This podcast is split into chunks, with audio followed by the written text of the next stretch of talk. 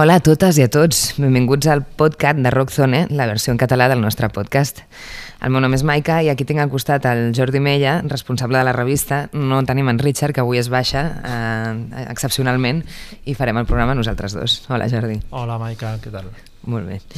Eh, li enviem una abraçada molt forta al, Richard, al Richard i com sabeu, al podcast de Rockzone volem conèixer de primera mà les experiències dels artistes de casa nostra en les seves gires internacionals.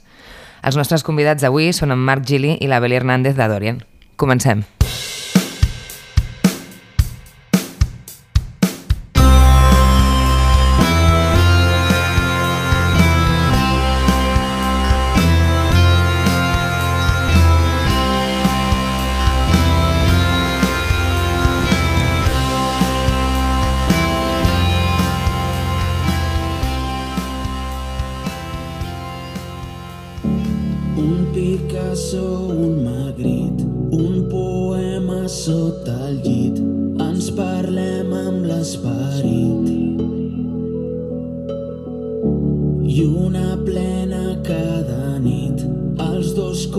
Amb la seva barreja de pop i electrònica, Dorian porten quasi 20 anys fabricant cançons que s'han convertit en himnes generacionals. Des del seu primer disc, 10.000 Metròpolis, de 2004, fins al darrer, Justícia Universal, de 2018, el grup no ha deixat mai de créixer. I segur que ho seguiran fent quan treguin el seu sisè àlbum, Ritual, al mes d'abril, en aquest temps, Dorian també han tingut l'oportunitat d'actuar per mig món, fent gires per Europa, Estats Units, Canadà i l'Amèrica Llatina. I, naturalment, també en els festivals més importants de l'estat espanyol, des la Primavera Sound a l'Arenal Sound, on hi van enregistrar un disc en directe l'any 2015. Perquè ens expliquin les seves experiències, avui hem convidat el seu cantant i guitarrista, Marc Gili. Hola Marc, què tal? Hola. Molt bones. I també a la seva teclista, la Beli Hernández. Beli, què tal? Hola, Molt bé, bé, estem bé. Avui no tenim el Richard, però sí. que el trobem a faltar, però que normalment ho fem els tres. Eh, però bueno, moltes gràcies per, per ser aquí. Eh, just ahir vareu publicar Universal, que és la vostra primera cançó en català, que és una col·laboració amb la cantant Su. Com és que heu fet això? Com, com ha sorgit? Eh, Expliqueu-nos una miqueta aquest single. Ella era com la persona perfecta per fer-ho i així va ser, o sigui, mm, va dir que sí de seguida, o sigui, va encaixar perfecte, però després amb les col·laboracions el que passa moltes vegades és que tu tens una idea, però després els timbres de la veu, la tonalitat de la cançó, doncs yeah, pot fer no que no llueixi gaire o no quedi bé. I ella va ser, la veu d'ella i la del Mac van encaixar d'una manera o sigui, és com una gran alegria, no? Quan passa això, és com, uau, sí. perfecte, perfecte, timbres molt complementaris i jo no podia haver imaginat millor col·laboració per aquesta cançó i que hagués quedat tan bé, o sigui, va ser màgic. De vegades passa, de vegades us, no, però de vegades. Ja. Us plantejaríeu fer un disc tot en català? Un, un, un disc tot en català mm, segurament no, eh, però sí que volem començar a normalitzar el fet de que Dorian de tant en tant tingui cançons en català. De fet, Universal mm. no l'hem tret no l'hem tret únicament al mercat català o valencià, l'hem tret a tot el món. Com una cançó normal de Dorian sense, sense, sense posar especial atenció al fet mm -hmm. que sigui en català i la veritat, sí, si dic la veritat, arreu de l'Estat tots els mitjans l'han agafat exactament igual que si fos un tema en castellà, amb les mateixes ganes, uh -huh. i inclús Amèrica Llatina, òbviament, el ser en català perd una mica més en Amèrica Llatina perquè molta gent no sap ni, ni tan sols que parlem un altre idioma, yeah. en aquí també, però també, també la, ai, no sé, ahir va sortir, per exemple, per aquí aquesta cançó una entrevista amb un diari xilè molt important que es diu Hoy por Hoy. Eh, jo què sé, o sigui, normalitzar les coses és molt important. I, I així com Dorian, en el passat hem cantat també en, en francès, de fet en el nostre darrer single, Dos vides, hi ha una coda en francès, doncs també segurament trobem més cançons en català en el futur. Així, ara bé, un disc sencer, doncs segurament mm, no, perquè és que anem cap a lo contrari. Com vosaltres mateixos veureu en el proper àlbum de Dorian, Ritual, que es publica mm. a l'abril, eh, no, ja veureu que és un disc que està ple d'idiomes. N'hi ha, ha yeah. diversos, no, no dos ni tres. O sigui que anem al, anem a lo contrari. o sigui, en lloc d'un sol idioma, diversos. O sigui que bueno, uh, és, ho podeu és... trobar d'aquí uns segons. Molt bé. Eh, I aquest disc era, no, que, que ja ho anàvem a parlar, Ritual, eh, igual que dèieu no, que ha sigut màgica la col·laboració amb la Su i que eh, com s'ha fet la cançó, tota aquesta naturalitat, això us ha passat en el procés del disc, que, que heu estat no, aquests mesos així molt complicats creant i ha anat fàcil, tot ha anat fàcil, hi ha hagut coses difícils, com ha sortit això? Jo, jo crec que ha hagut una mica de tot, però sobretot hi ha hagut, com hem tingut temps per, per desenvolupar, no? Sí sí. eh, sí que hi ha hagut una, una exploració, com una, un, un moment d'intentar fer coses d'una forma diferent, que ha sigut com, mm, com diria, una cosa com conscient, no? de dir, bueno, ara vull fer coses una mica diferents, hem d'explorar una mica, hem de provar, no? hem de sortir de la nostra zona de confort i jo crec que de tant en quant un grup ha de fer això. Ha de, dir, ha de parar un moment i dir, a veure, què sóc, què m'agradaria ser, per on m'agradaria tirar, vull provar coses noves. I mm, hi ha hagut una mica de tot, jo crec. Hi ha hagut un moment això d'exploració, de provar coses noves eh, i d'altres casos molt més, molt més espontànies, però en qualsevol cas eh, no cada disc és un món que fas, no? i de vegades surten ràpid, de vegades lents, de vegades lluites una mica més, però jo crec que aquest ha sigut molt interessant per nosaltres, perquè ens hem forçat una mica a fer les coses d'una forma diferent i això és molt sa per una banda, no? com, com explorar una mica els teus límits i provar coses sí. noves d'una altra manera, no? Fa créixer, no? I, i per mi ha sigut eh, o sigui, un dels discs eh, com més emocionants, no? com més excitants de fer. I també amb certa complicació, per mi. O sigui, però com un personal. No? De, això, voler fer coses diferents, aleshores doncs, clar, hi ha un moment d'aprenentatge, hi ha un moment d'exploració que, que mola, però també pateixes una mica. Mm. No sé com ha sigut per tu, Marc. Hi ha, hi, ha, hi ha cançons que hi ha cançons com Dos vides que es van armar molt ràpidament, sí, que és el sí. single que hem tret fa un mes, però ja n'hi ha d'altres. O sigui, n'hi ha una cançó que al final no ha entrat en el disco, que li vam fer 17 versions diferents perquè no trobàvem la manera de... O sigui, ens encanta la cançó, però no trobàvem la manera d'enfocar-la, de, de, de, de fotre-li mà, perquè volíem provar coses diferents i, i se'ns escorria la cançó de, dels dits tota l'estona. 17 versions diferents. Després em vaig en recordar de que, de que també els Beatles havien fet com 15 versions de Tomorrow Never Knows i, o, sí. o el Sympathy for the Devil de Rolling, sense anar més lluny, al principi era, era un tema mm -hmm. acústic folk, bluesero, i mira mm. com va acabar, no? Quantes dimensions pot agafar una mateixa cançó? Uau, això no ho saps fins que, fins que t'hi poses. Però hi ha algunes cançons que sí que s'enfoquen molt ràpidament cap al, a l'estructura estètica que volen tenir o que acabaran tenint, i d'altres cançons que potser perquè tenen un material més elàstic et permeten agafar moltes direccions i, i pot succeir que algunes d'aquestes cançons es tornin rebels, com dic jo, no? Que, que, que, que no, que no deixen domesticar i tornes boig. I, i en alguna, alguna d'aquestes hem tingut de dir, hosti, no, no puc entendre per què no m'acaba de, de funcionar aquesta cançó. Pues vinga, va, un altre, un altre enfocament, una altra versió. I així en un cas fins a 17 vegades. I al final no ha entrat al disc. Yeah. Molt bé. Hi ha un cementiri, tenim un cementiri de cançons la, mortes, no? Potser la reprendreu, no? Vull dir que sí, potser no és el moment i potser la reprendreu algunes, i, i fareu un bonus track. Molt xules, eh? Molt xules, però que jo que sé, també t'enamores, et desenamores, yeah. te tranques, Clar. i de vegades quan ja veus que no està sortint la cosa, te'n vas cap a una altra i al final mm. doncs, o no t'encaixa, pel que sigui, i ja està, com el cementiri. Sí. Bueno, diguem-li limbo, va. sí. Bueno, com sabeu, us hem convidat sobretot per conèixer les vostres aventures internacionals i m'agradaria començar preguntant-vos quan us vau plantejar que volíeu que Dorian fos un, un grup amb un mercat global? Perquè ja des del principi donàveu pistes de que teníeu aquesta intenció. Com, com va anar? Marc, si vols començar tu. Eh, a veure, com, com va començar tot? Eh, bueno, al principi, del principi no, perquè era, era molt precari, Dorian, Dorian era molt precari, no, no teníem pressupost, estaven amb seggells molt petitets, com Big Big Records, que és un, el primer segell de Sidoní, també.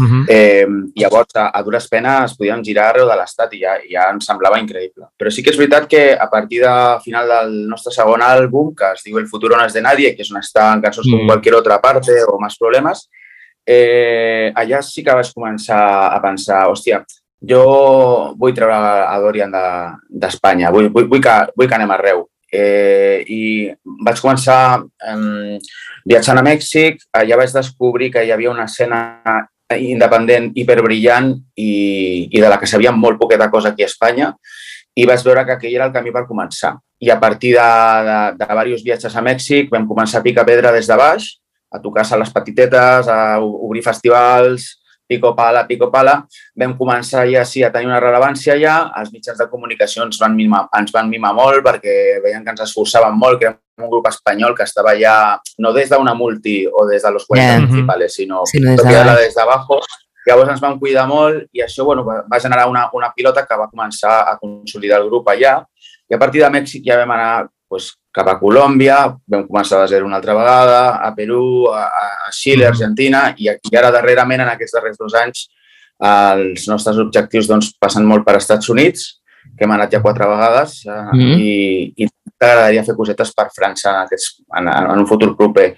Però mm, hi ha una part molt d'aventura en tot això. Eh, eh, ens agrada descobrir puestos nous, explorar noves ciutats. O sigui, de sobte trobar-te tocant a Houston o, o, o trobar-te tocant a, a, a, les, a una ciutat a les muntanyes del Perú. És, és surrealista aquí, que t'estiguis per gent allà. I és, és molt fort i és molt excitant perquè et fa descobrir els països, eh, per exemple, la frontera nord entre Mèxic i, i Estats Units, que té 3.200 quilòmetres, ja l'hem recorregut tres vegades, sencera. Uh -huh. Passa per Arizona, yeah. per, per, per yeah. New Mexic, per, eh, per, per Texas i per Califòrnia. És, és, és brutal poder viure aquestes coses, no? fent concerts. Sí. Eh, I així tantes altres aventures. Doncs això és molt excitant, és maco, però també t'enriqueix molt com a músic. És a dir, eh, vas, vas, vas adquirint, mm, vas, vas coneixent noves músiques eh, o tradicions Clar. musicals, eh, et vas empapant d'altres escenes i això acaba enriquint també el teu repertori, no? Eh, també acaba, aquestes experiències internacionals doncs, han acabat també repercutint molt en, el, en les lletres del, del grup. Eh, en definitiva, és una exploració grupal, personal també i, i vital, que per nosaltres s'ha convertit ja, eh, per tots els Dorian i per el nostre staff també, en una necessitat eh, espiritual totalment mm. irrevocable, no? Bueno, ens has fet un eh, resum una sí, mica de, de tot de el que tot. volem preguntar-vos. No, no, jo, jo, jo, tinc, jo, tinc, ja. jo tinc dues curiositats, com a mínim més, vull dir. No, no que dius que tot això va començar amb el segon disc, però em sembla que fins i tot abans de treure el primer ja havíeu anat a tocar alguns festivals als Balcans, no? I a Portugal. Ah, sí, Vull dir, això sí que ho havíeu fet. Com, com s'aconsegueix això quan no tens ni un disc i, no, i és 2004 i, o 3 o, i és precari mm. tot? Com ho fas? És molt ben informada. Que... Bueno, és, és la feina, va. Sí, sí, sí, no, això ho... avançada, eh? Sí, perquè no tothom ho sap. Ho jo crec que des, des d'un primer moment sí que vam tenir una mena d'ambició no? de, de recórrer el món amb la nostra música, potser no amb una ambició de triomfar, no sé com explicar-ho, mm. no? o de que et vagi molt bé, però almenys, que jo crec que són aquests primers casos, sí de poder recórrer el món amb la teva música, no? O sigui, com viure aquest món d'una altra manera, no? O entendre'l d'altra manera. Doncs el tema, per exemple, del Festival de Balcans, jo crec que Mm, serà sempre una no, dels esdeveniments més excitants que hem viscut mai, no? perquè era un, com un festival que replegava músics i artistes de tot arreu del món a Bòsnia eh, com per una mena com per apaciguar una mica els ànims allà no? i sí. unir bàndols i, i va ser una cosa molt d'anar per casa, diguem-ne, però molt, molt, molt bonica no? i que et posa en contacte amb altres artistes i, i, i no sé, són coses que fan que prenguis una dimensió una mica de la teva banda, on està, del que vols, no? I veure que d'alguna manera que la teva banda pot transcendir fronteres no? i pot agradar més enllà del, no? de, de, de, de, o sigui, del teu entorn més immediat, també fa que després ho vulguis no? I, yeah. i, i, i que vegis que, ostres, que això et pot portar com molt més enllà del que tu podies imaginar, no? que és el que ha passat al final. No? I el tema de Portugal sí que no me'n recordo gaire com va ser, però va ser molt emocionant també. Hem tocat, diverses, hem tocat diverses vegades a Portugal. Aquella vegada va ser a un lloc fantàstic que es diu Maus Hábitos, ah, sí. que és un, és un centre cultural magnífic a, a Porto. I després hem tocat també al Paredes de Coura. molt, molt guai, sí. Portugal té molta, molt de rotllo musical. La veritat és que tindríem que estar més connectats amb aquell, amb aquell país. Mm -hmm. sí. Estem com... No? Espanya, sí, sí. Som d'esquena, sí. I, mm. i tenen, tenen una música i una escena molt xula. Mm -hmm. bueno, com has dit abans, amb, amb El futuro no, no és de nadie, el 2006, feu ja, comenceu la, la, la carrera per fora i tot, feu una gira de més de 100 concerts, que, que són molts, i, i per primer cop toqueu a Estats Units. Eh, per una banda, com es sobreviu una gira tan llarga? Perquè suposo el primer cop que ho fas és com el primer cop que fas una marató. Vull dir, saps com comences però no com, com acabes. Com, no sé, com ho recordeu a nivell psicològic o físic fins i tot? Aquella gira? Jo no vaig acabar bé. No vaig acabar bé, vaig acabar fatal, molt cansat, eh, perquè clar, era la primera vegada que fèiem tants concerts a la nostra vida. I amb tot l'entusiasme dels 20 i pocs anys, imagina't, amb la castanya anàvem cada nit a muerte, no? A més, va ser, una, va ser una gira molt maca perquè va abarcar dos, molts mesos i, i en molts mesos coincidíem amb els, Lori, amb els DeLorean i amb els Mendez perquè ens ficaven com a tridente per a, per a fer bailar al personal a tots els festis. Però va ser molt divertit també mm. compartir això, però és que realment eh, va haver-hi un, un, un dia que vam fer dos festivals en un dia, per exemple. O sigui, el Sonorama i un altre festival a Extremadura en un mateix dia. Perquè la, la, va ser una mica el boom dels festivals, no? Yeah que va coincidir amb l'àlbum de qualsevol altra part i altres cançons, llavors tothom ens, ens cridava, o sigui, va ser realment, i clar, nosaltres entusiasmats, dèiem que sí a tot, i llavors eh, vam estar molts mesos sense parar, eh, i al final doncs, va tenir repercussions, sí, sí, va haver-hi un bajón important. Vas haver de fer res. Jo crec que amb el temps aprens una mica a regular les energies, no? Ah, això és el que volia dir. Clar, és una cosa com molt emocional, molt desbordant, no? Eh, com molt extraordinari, fora de lo comú, no? I d'alguna manera, quan ets més jovenet, ho dones tot, no? I és com, uh -huh. sí, aquesta nit ho dono tot, i, i, i un concert, un altre concert, i nit sense dormir, i ho vols tot, i no saps parar. Jo crec que, clar, al final si ja es converteix en una professió, ja va regular una mica. Ja saps, una mica... Jo recordo que abans em cansava molt més que ara. També perquè tenia menys mitjans. Aleshores, clar, ho fas tot tu, els instruments els carregues tu, no? Després ja, clar, es professionalitza i tens vas una mica més tranquil en aquest sentit, però, però també en el sentit emocional, emocional de dir, a veure, saps? O sigui, regulem-nos una mica, tinc quatre concerts per davant, això serà molt cansat, fem-ho a poc a poc, no? I despullat fins a cert punt, no? I a poc a poc. Uh -huh. Sí, així, un rere l'altre. Jo crec que això també ho aprens a fer. Uh mhm. -huh. En aquella gira, això feu la... toqueu per primer cop als Estats Units. Descriviu-nos una mica que recordeu de la sala, no? del, del públic. Pues suposo que devia ser el South by, South by Southwest. South sí. sí. Vam fer diversos concerts a South by Southwest, que al fi i al cap uh -huh. no deixa de ser una, una fira musical per professionals, tot i que també va públic. Eh, públic. Uh -huh. eh, un, un, un molt bon primer contacte amb, amb, les, eh, amb el que són les escenes internacionals, no? És a dir, me'n recordo, doncs, per exemple, eh, està agafant l'avió de tornada d'Austin amb el Jay Massis de Dinosaur Jr. darrere nostre yeah. fotent la guitarra per nosaltres o, o, quan vam arribar doncs, a, a trobar-nos al Signet Mobile Disco a la, a, la, a la cinta de transportadora de maletes. Poder dir, que guai, estem aquí, no? Yeah. Són experiències que t'ajuden a motivar-te perquè et creguis que, que, que tu també pots fer el que vulguis a la, a la vida si t'ho proposes i fotre-li canya i vinga, vamos, no?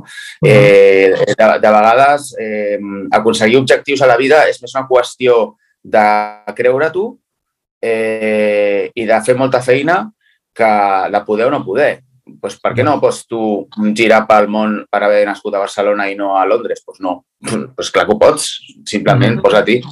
Llavors, aquesta experiència al South by Southwest del 2007, crec que va ser, o 2008, eh, ens va donar aquest primer contacte. No? De, vam tocar a, a diversos puestos de, de la ciutat, eh, davant de públics que no es coneixien, eh, agents internacionals, eh, bueno, eh, periodistes, eh, concerts que s'havia de demostrar molt la categoria de, dels grups perquè puges a tocar sense prova de so i allò té que sonar bé a la segona cançó com a molt, com a molt tard. Uh -huh. I llavors et, et posa molt les piles perquè professionalment és un repte.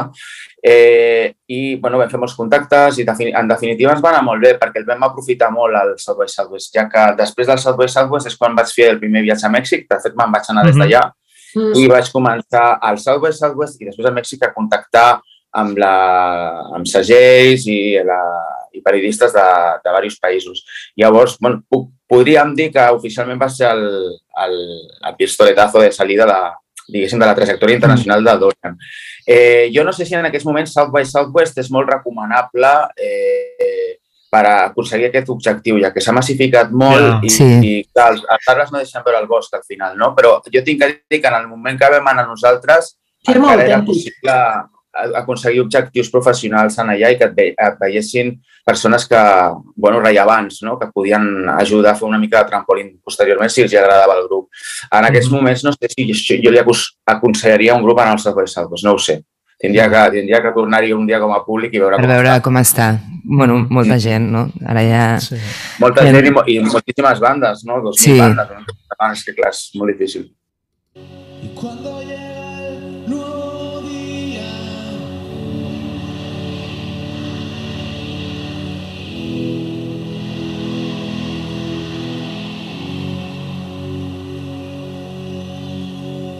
te dolerá.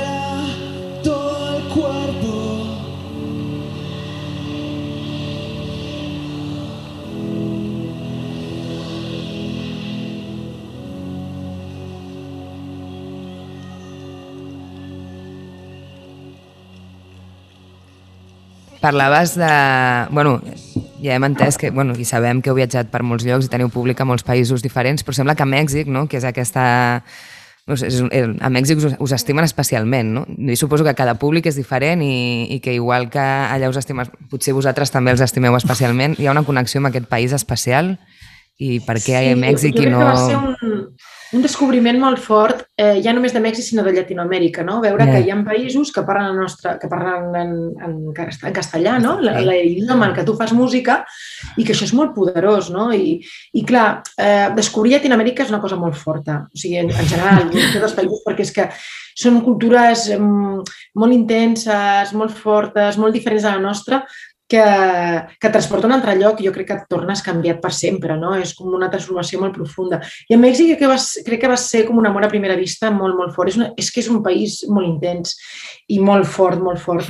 I nosaltres vam tenir, molt, nosaltres vam tenir la gran sort que ens va fitxar un, una discogràfica d'allà eh, i no tenia cap altre grup internacional, diguem-ne, i nosaltres ens han tractat sempre una mica com a grup local, perquè mm. com a grup, diguem-ne, com a grup de l'escena local mexicana. Yeah. No? I ha sigut una gran sort, perquè hem, hem intervingut molt, hem tingut, mm, no sé com explicar hem participat molt de de, de, l'escena local d'allà, no? Hem passat molt temps, ens hem preocupat, vull dir, no és només que hem anat a tocar i hem tornat, no? Sí que ens hem empapat, hem fet amics, hem establert vincles, eh, ho hem viscut mm, d'una forma molt intensa i per això jo crec que els mitjans, una mica l'escena, eh, la, la indústria ens ha tractat com si fóssim una banda mexicana, no? Uh -huh. amb molt de carinyo i molta estima. Jo crec que també la nostra música ha sigut molt ben entesa allà des del principi. Això passa molt, que ens ho expliquen allà els nostres amics, que hi ha moltes bandes que són d'aquí, que van allà i fan una música que no acaba d'encaixar perquè potser és, mm, té com trets molt d'aquí que no s'entenen gaire.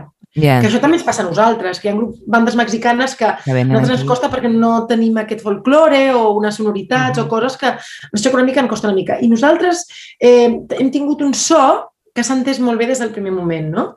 I, clar, això ha sigut com un descobriment increïble, no? I, sobretot, també, eh, i també és com, o sigui, com una cosa que va a dues bandes, no? És a dir, nosaltres també ens hem empapat de Mèxic, de la cultura, de la seva música, mm. de Llatinoamèrica en general, i això també ens ha fet canviar, eh, no només com a persona, sinó també a influir, a influir la, nostra, la nostra música també. Mm -hmm. Però sí, eh, la veritat és que és com una, una segona casa. Jo sempre em sento així quan hi vaig. És com, uf, que bé, no? Hem tornat i estem aquí. I quan aterrisso em poso molt contenta i quan marxo, doncs, també em fa com una mica de pena, no? O sigui, és com, sí, un lloc, jo crec que molt important en les nostres vides, les vides de tot, mm -hmm. i tots hem encaixat també, eh? perfectament bé ja. Mm -hmm. Vam ah, tenir certa sort, quan vam començar a Mèxic, anar a Mèxic, l'escena independent mexicana començava a despegar, llavors proliferaven els segells, eh, hi havia un optimisme fort, mitjans de comunicació, noves revistes musicals, de paper, mm -hmm eh, en Fotimer eh, i el nostre segell pues, va començar a créixer també, llavors va començar a fitxar a bandes com DXX, a, vull dir, a llicenciar bandes com DXX, a Mockway, eh, eh, posteriorment també el Columbia Assassino, eh, va començar a fer un roster molt bo, molt bo, molt bo. I, i bueno, va, ens va agafar una mica aquesta onada d'entusiasme, no? que les coses quan comencen, les escenes, sí eh, doncs tothom agafa molta empenta, no? Eh, i, I ens va beneficiar, ens va beneficiar molt l'espai-temps, en aquest cas. Uh -huh.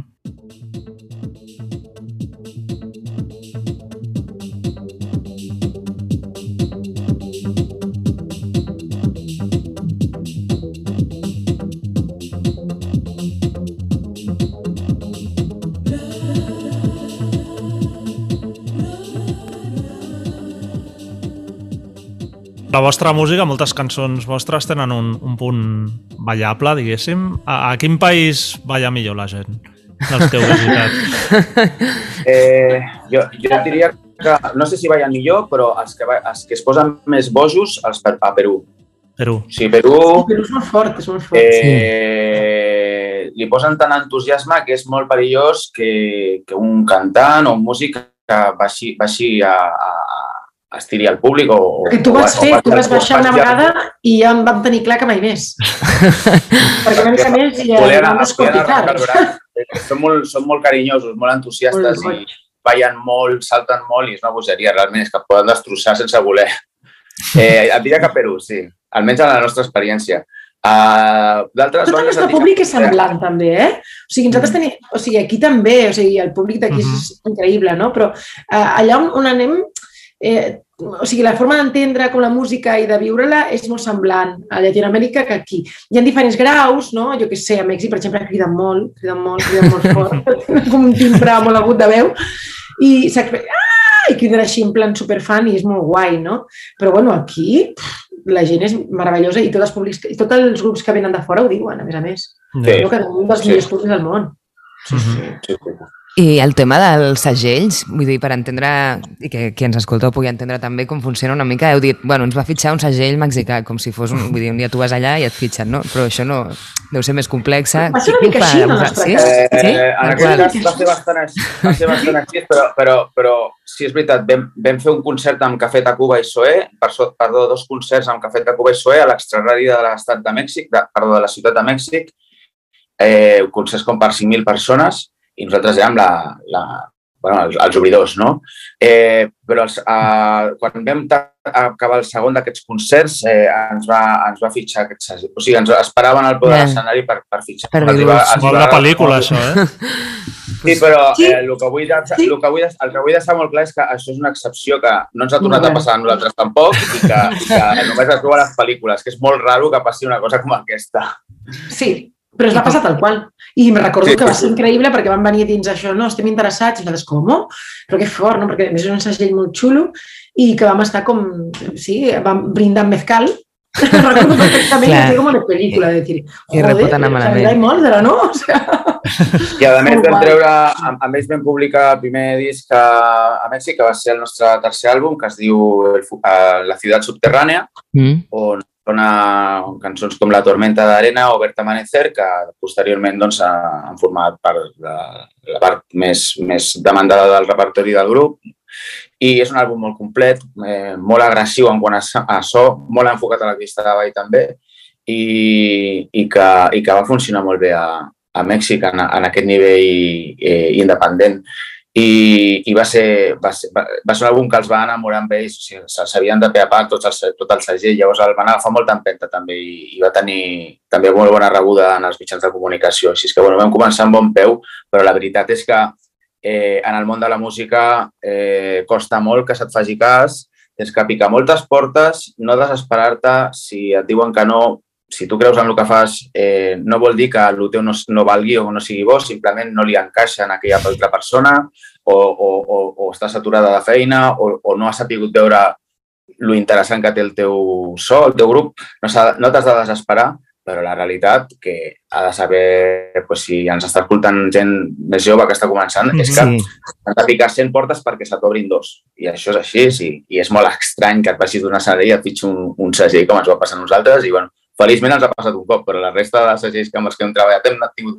No, no, no, no. Sí, una gran excepció. Bon, ha quedat clar que, que heu picat molta pedra. Algun cop us han, heu, heu tingut, diguéssim, ajuda d'alguna administració pública o, o alguna entitat? Perquè molts cops, igual, quan t'ajuden ja no ho necessites. No, no sé si, si és el vostre cas, per eh, exemple. Sí, sí que ens ha, ens ha ajudat, eh, bueno, quan estàvem a, a, a EMI com a editorial, al principi ens van, ens van ajudar una miqueta a sortir, sí que ens van ajudar i, i sempre uh -huh. s'ho hem agraït. Sí, eh, privat, clar, sí, privat, privat. Sí, i a nivell, a nivell públic, a l'Institut Ramon Llull ens ha ajudat també. Sí, el Ramon Llull, la veritat és que fa una labor increïble. En aquest sentit, sí que ajuda molt les bandes que volen sortir fora a desenvolupar uh -huh. la seva música i és tan necessari perquè realment girar, és, eh, sobretot si ja surts una mica no? i eh, és, són molts diners, són molts diners, no? I, i és un ajut super necessari. No, no hi ha gaires ajuts en el món de la música, la veritat no. és que és molt complicat, un s'ha d'hipotecar, o sigui, ha de, de picar pedra, ha de tirar-se a la piscina i a coses així la veritat és que s'agraeixen moltíssim. Molt, molt, molt, molt, molt. I són molt necessàries. I crec, bueno, això passa a molts països, no? Passa a França, per exemple, uh -huh. no? on pues, la música és considerada com un bé, no? Com un, un, sí. un, o sigui, un, un bé valor cultural, no? molt sí. fort. Sí, sí. sí, sí. La gent doncs, té moltes ajudes i, clar, això el que fa és eh, doncs, això, crear, crear un valor cultural del teu país molt important, no? Perquè la música, a més a més, és cultura i és negoci, no? I, clar, aquestes ajudes haurien d'existir per tothom, perquè malauradament hi ha moltes bandes, molta gent que fa música que ho deixa no per falta de, de talent no? ni de ganes, sinó perquè uh -huh. realment tirar endavant aquest tipus de projectes són, són costosos no? i molt cansats no? i s'agraeix molt, s'agraeix molt. Us volíem, més o menys ho he comentat, que quan, quan aneu por ahí no simplement toqueu, sinó que intenteu una mica empapar-vos de, de la cultura. Així que recordeu de, no sé, algun viatge en especial en algun país, algun indret que, que hagueu estat que, que us va marcar molt? Bueno, hi ha molts, molt. perquè clar, és que hem estat a llocs increïbles ja. que jo mai he imaginat, però a la meva mm. vida, eh? No sé, vam fer un vídeo, eh. per exemple, el vídeo del temblor, o, o tu què vols que recordar? Què, què, què estàs pensant, Marc? Ah, no, digues, digues, sí, sí. No, bueno, vam rodar un vídeo Uh -huh. uh, una mica en, vam anar a gravar un disc a Mèxic i entre el disc estàvem molt cansats no? perquè treballàvem cada dia mm, durant dos mesos, no? Com moltes hores. Sí que havíem, bueno, vam pensar en fer un vídeo a Mèxic i vam fer un vídeo que va ser com una mena de road movie brutal, perquè tampoc teníem, va ser una mica improvisat, vam anar amb un videorealitzador molt bo, que es diu René de la Rosa, que va fer un treball increïble, però vam començar a recórrer com nosaltres no teníem ni idea d'on anàvem ni què anàvem a fer, estàvem molt cansats, estàvem amb el tema música i ens deixàvem anar, ¿no? Y el tío ens deia, pues mañana nos tenéis que levantar a las 6 y vamos a ir a la Huazteca Potosina, pues vamos, ¿no? I anàvem fent una mica sobre la marxa i, clar, descobrir coses com unes cascades, no? Uf, mm -hmm. Les de la, la Huazteca... Vam descobrir a, a, a, un, un videoclip rodat al llarg de diversos dies per, per al Mèxic més profund, Eh, vam estar al desert de Real de 14, que és brutal, és un desert increïble, però és que just a sota d'aquest desert hi ha un bosc subtropical increïble, que és la Huasteca de Sant Luis Potosí. Sant Luis Potosí és un estat de Mèxic que té més o menys el tamany d'una tercera part d'Espanya, o sigui, és molt gran. Yeah. I, i, I pràcticament no hi viu ningú. O sigui, és natura pura i dura, petits assentaments, pobles, ganaders, en el cas del desert, Eh, I bueno, va ser tota una aventura rodar aquest vídeo en aquests costos increïbles. No? Eh, vam pujar a canoa a un riu en el que està prohibit eh, fer servir eh, vehicles a motor, o sigui, barques a motor, eh, la natura explotant de la retina constantment i en aquest context descobrir doncs, eh, aquestes profunditats d'aquest Mèxic tan desconegut, que encara n'hi ha, n'hi ha molt de Mèxic, perquè és un país molt gran, és quasi dues vegades Espanya de gran. Uh -huh. eh, va ser una gran revelació, no? I sortir de les ciutats i ficar-nos en aquest altre Mèxic a través de l'art, no? Rodant un videoclip, no com a turistes, sinó implicant-nos amb la gent dels pobles que de seguida t'obren les, les portes de les cases i et, et fan de sopar i et diuen que et quedis a dormir. És, és, és, és d'aquestes aventures que, que ens han anat passant al llarg del temps amb aquestes gires internacionals que no t'oblides mai i que, i que et, fan, eh, et fan créixer com a persona. Perquè quan per exemple, en aquest cas, quan vam veure la tremenda hospitalitat que tenia la gent d'aquelles terres, doncs ja tornes i dius, joder, pues, jo pensava que era bona persona, però resulta que el d'esto yeah. és un ranci. Yeah. doncs aprens sí, sí, una bueno, mica, no? Viatjar.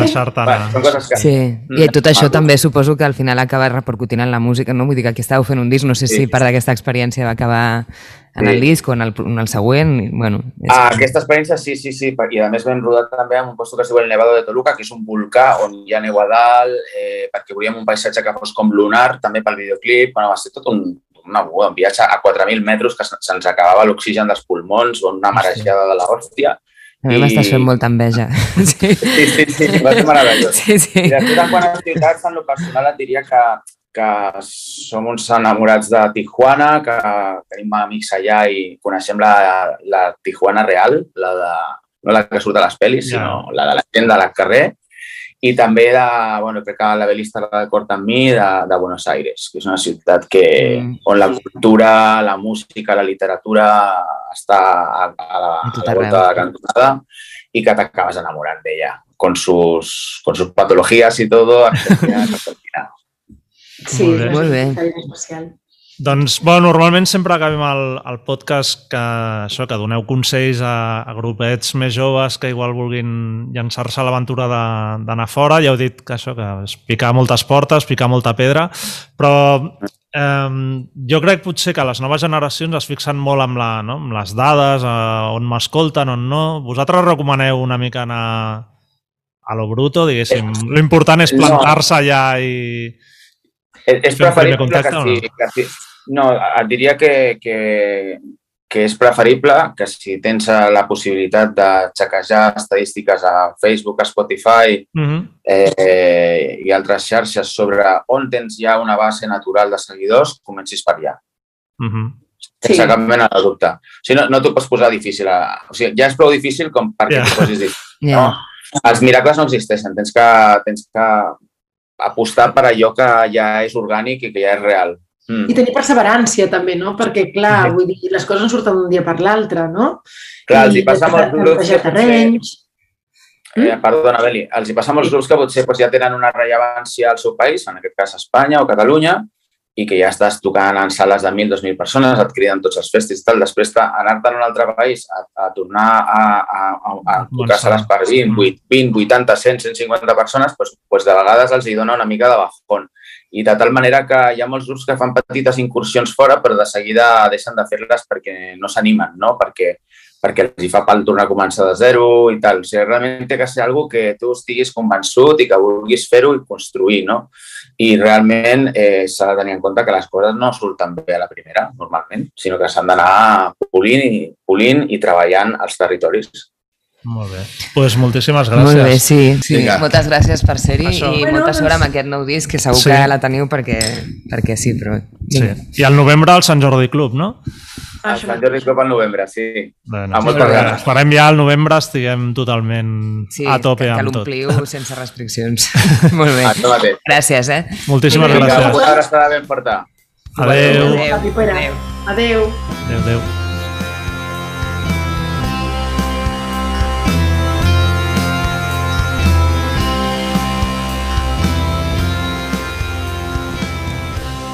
Us podeu subscriure al podcast a qualsevol plataforma on els escolteu habitualment, Spotify, Apple, iVoox, i també ens podeu seguir a la nostra pàgina web, rockzonemat.com, i a les nostres xarxes, Facebook, Twitter o Instagram. A reveure!